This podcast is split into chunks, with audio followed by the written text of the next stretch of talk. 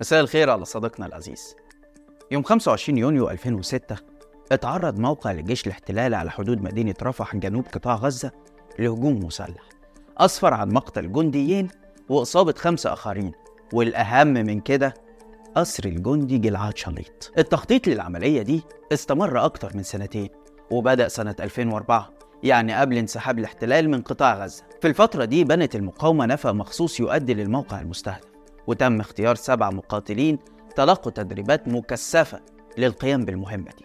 وفعلا نجحوا في تنفيذها بمهارة فائقة لدرجة إنه من لحظة خروجهم للنفق لغاية بدء انسحابهم لداخل قطاع غزة استغرق 8 دقايق بس وكان في إيدهم صيد سمين. ردود الفعل على العملية النوعية دي تقدر تشوفها في فرحة آلاف الأسرى الفلسطينيين اللي شعروا لأول مرة بالأمل في الحرية.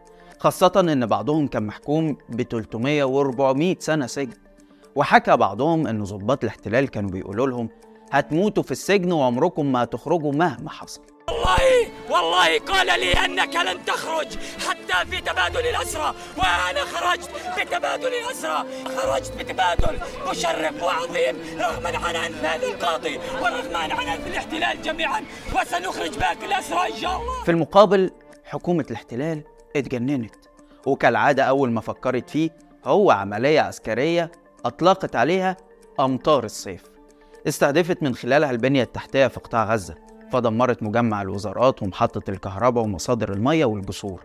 ونفذت سلسلة اجتياحات واغتيالات استشهد على إسرها أكتر من 200 فلسطيني. والنتيجة؟ فشل في معرفة أي معلومة عن شليط أو مكان احتجازه. عشان كده لجأت لتوسيع جهودها الأمنية والاستخبارية داخل القطاع. وفي المقابل استهدفت إسقاط حكومة إسماعيل هنية فاعتقلت تلت الوزراء وقادت حملة دولية لعدم الاعتراف بيها رغم إنها كانت منتخبة. في الوقت ده نجحت المقاومة الفلسطينية في إخفاء شليط عن العالم كله. ورغم شن الاحتلال عدوانه الأول سنة 2008 بهدف القضاء على المقاومة وإنهاء سيطرة حماس على غزة إلا إنه فشل في تحقيق أي تقدم أو إنجاز في ملف شليط وهنا حدد الفلسطينيين مطالبهم بشكل واضح وهي تحرير الأطفال والنساء من سجون الاحتلال مقابل منح معلومات عن شليط وتحرير ألف فلسطيني أسير مقابل عقد صفقة تبادل. وبالفعل تم الإفراج عن 20 أسيرة مقابل فيديو مدته دقيقة ظهر فيه شليط وهو بيقرأ صحيفة عليها تاريخ 14 سبتمبر 2009 وبعد سنتين وتحديدا في 18 أكتوبر 2011 أعلن عن صفقة تبادل برعاية مصرية. حصل بموجبها 1027 فلسطيني على حريتهم منهم 280 كان محكومين بالسجن. مدى الحياة؟ واحد من الأسرى دول هو يحيى السنوار اللي تعهد بتبييض سجون الاحتلال من الأسرى الفلسطينيين. والنهاردة هو نفسه بيفاوض سجانه السابق عشان يجبروا على تحرير آلاف الأسرى وسط صمود أسطوري وتضحيات مهولة بيقدمها أهالي غزة نصرة لقضيتهم العادلة. إزاي المقاومة انتصرت في معركة عض الأصابع؟ مع الاحتلال. وإزاي الطوفان خلق معادلة جديدة تماما في الصراع الفلسطيني الإسرائيلي ده اللي هنحاول نعرفه معاكم في حلقة النهاردة. بس قبل ما نبدأ يا ريت تشاركوا الحلقة مع أصحابكم ولو عايزين تدعموا المحتوى اللي إحنا بنقدمه اعملوا اشتراك في القناة. أنا عبد الرحمن عمر وده برنامج الحكاية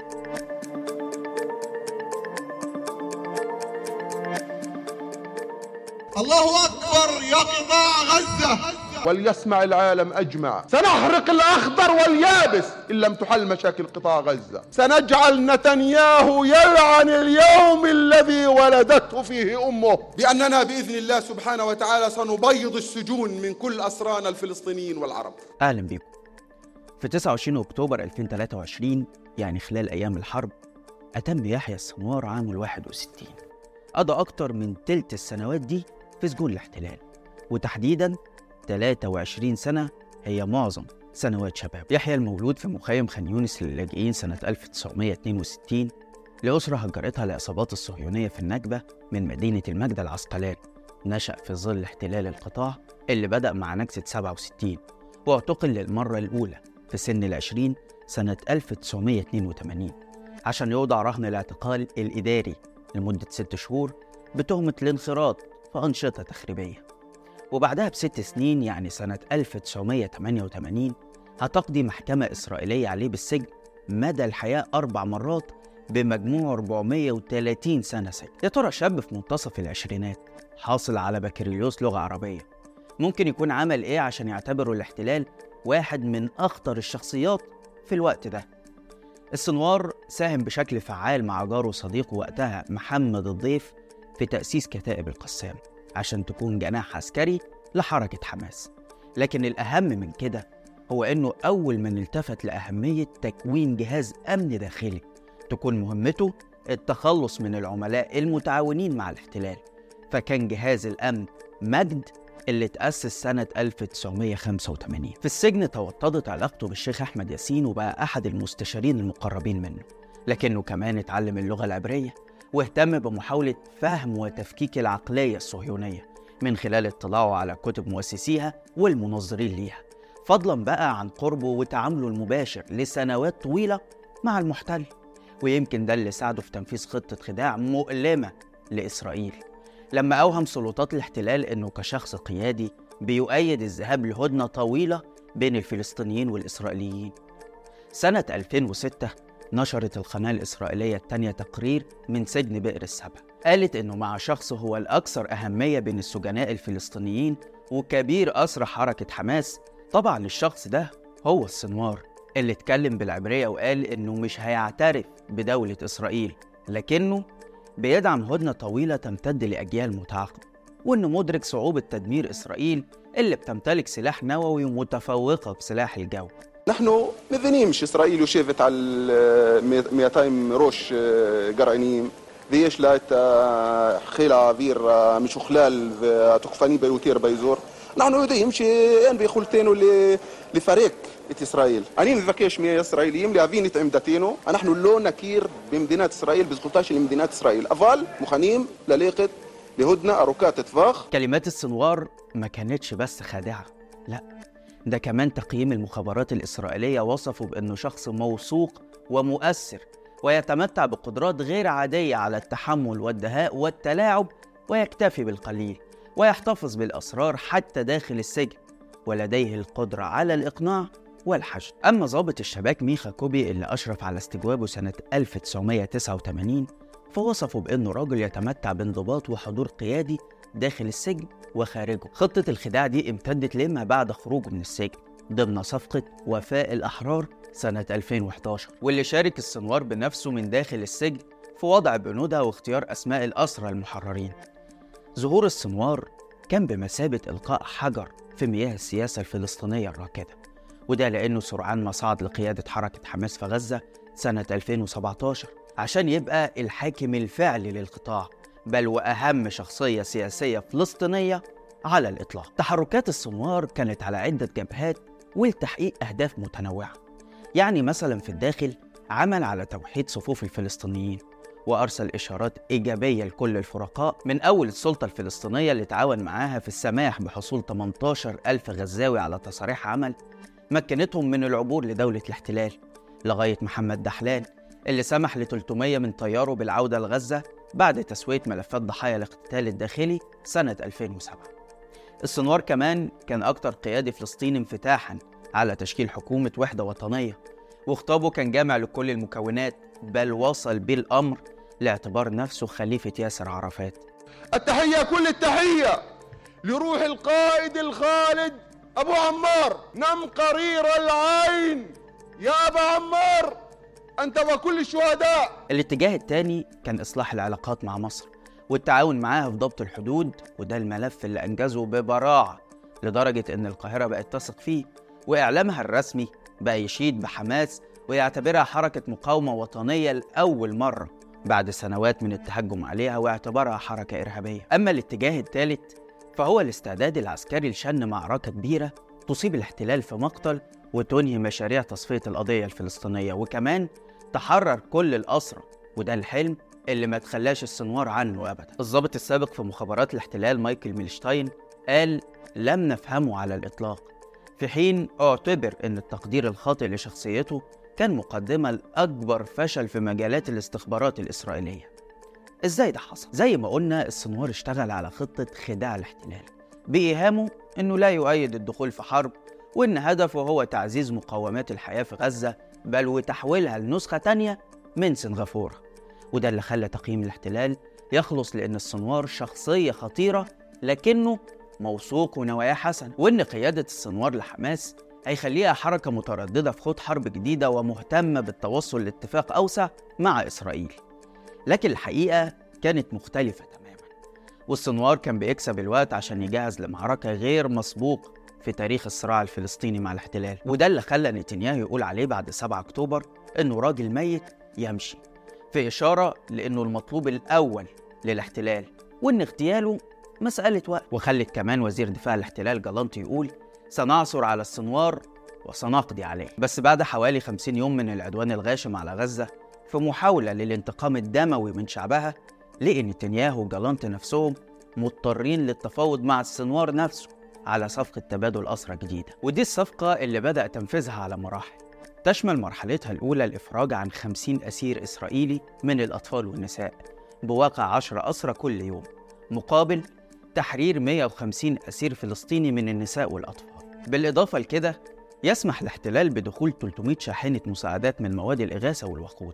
إلى جانب طبعا هدنة تتوقف خلالها كل الأعمال القتالية برا وبحرا وجوا وتمنع قوات الاحتلال عن التقدم في قطاع غزة.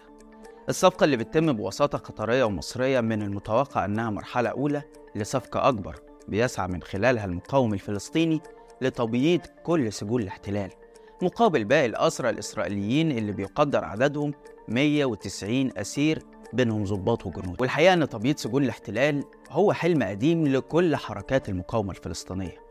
وأغلب صفقات تبادل الأسرى كانت بتسعى ليه من الستينات ولحد النهاردة البداية كانت من الجبهة الشعبية لتحرير فلسطين اللي لجأت لخطف الطائرات الإسرائيلية ومبادلة ركابها مع أسرى فلسطينيين في سجون الاحتلال By hijacking that plane, we can tell those people that uh, there's a war, there's a cause here in the Middle East. So just not come here. سنة 1968 خطفت ليلى خالد هي ويوسف الرضيع طيارة إسرائيلية كانت متجهة من روما إلى تل أبيب وأجبرتها على الهبوط في الجزائر عشان تنجح وساطة الصليب الأحمر في تحرير 37 أسير فلسطيني من ذوي الأحكام العالية مقابل إطلاق سراح الركاب. في السنة التالية خطفت ليلى خالد مع سالم العساوي طيارة متجهة من لوس أنجلوس إلى تل أبيب وأجبروها على الهبوط في سوريا وتمت تاني عملية تبادل. أفرج من خلالها عن عدد من الفدائيين الفلسطينيين وطيارين سوريين. ومش كده وبس.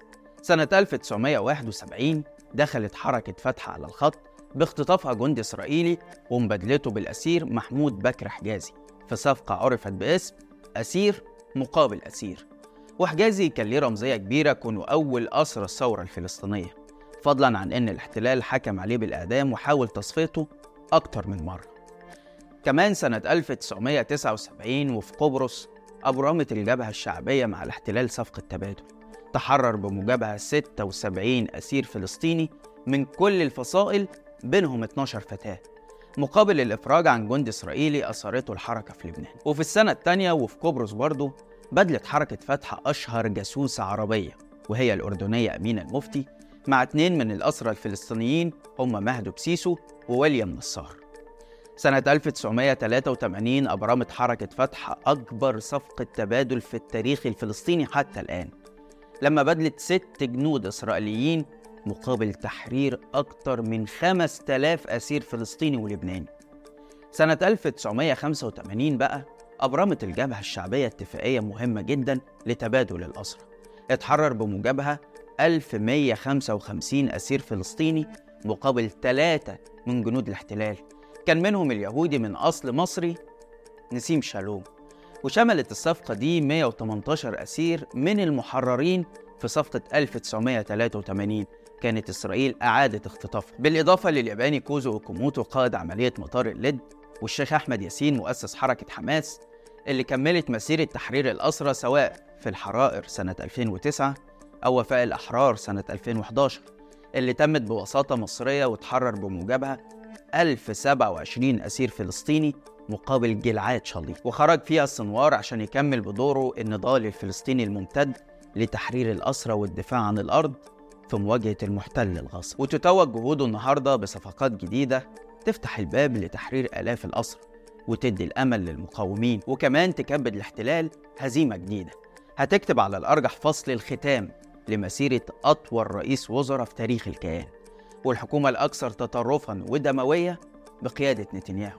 بعد ما انهارت أسطورته ونظرياته عن الأمن الإسرائيلي قد لا تحبني وقد لا تثق بي لكني وحدي من يستطيع الحفاظ على سلامته دي كانت واحدة من أهم الشعارات الانتخابية لنتنياهو اللي على مدار سنين طويلة.